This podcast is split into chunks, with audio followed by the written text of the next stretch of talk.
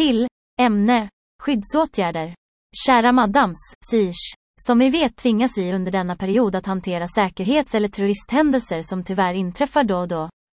När en person attackeras på en offentlig plats finns det två reaktionsalternativ som du vet.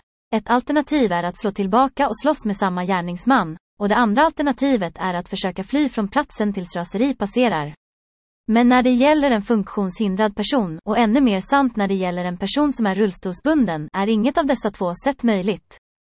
Min fråga till dig är, har det funderats på att utveckla tillgängliga vapen eller vapen som kan hjälpa en funktionshindrad person, om och när han kommer in i en sådan situation? Och i den utsträckning sådana vapen är öppna på teknisk nivå, överväg hur man fastställer kriterier och tester som syftar till att avgöra vilka funktionshindrade som har tillgång till sådana vapen, och detta beror på potentialen att missbruka en sådan rätt till självförsvar. Eller är det en bedräglig och galen idé, eller etiskt eller moraliskt oacceptabelt, som inte är värt något slag?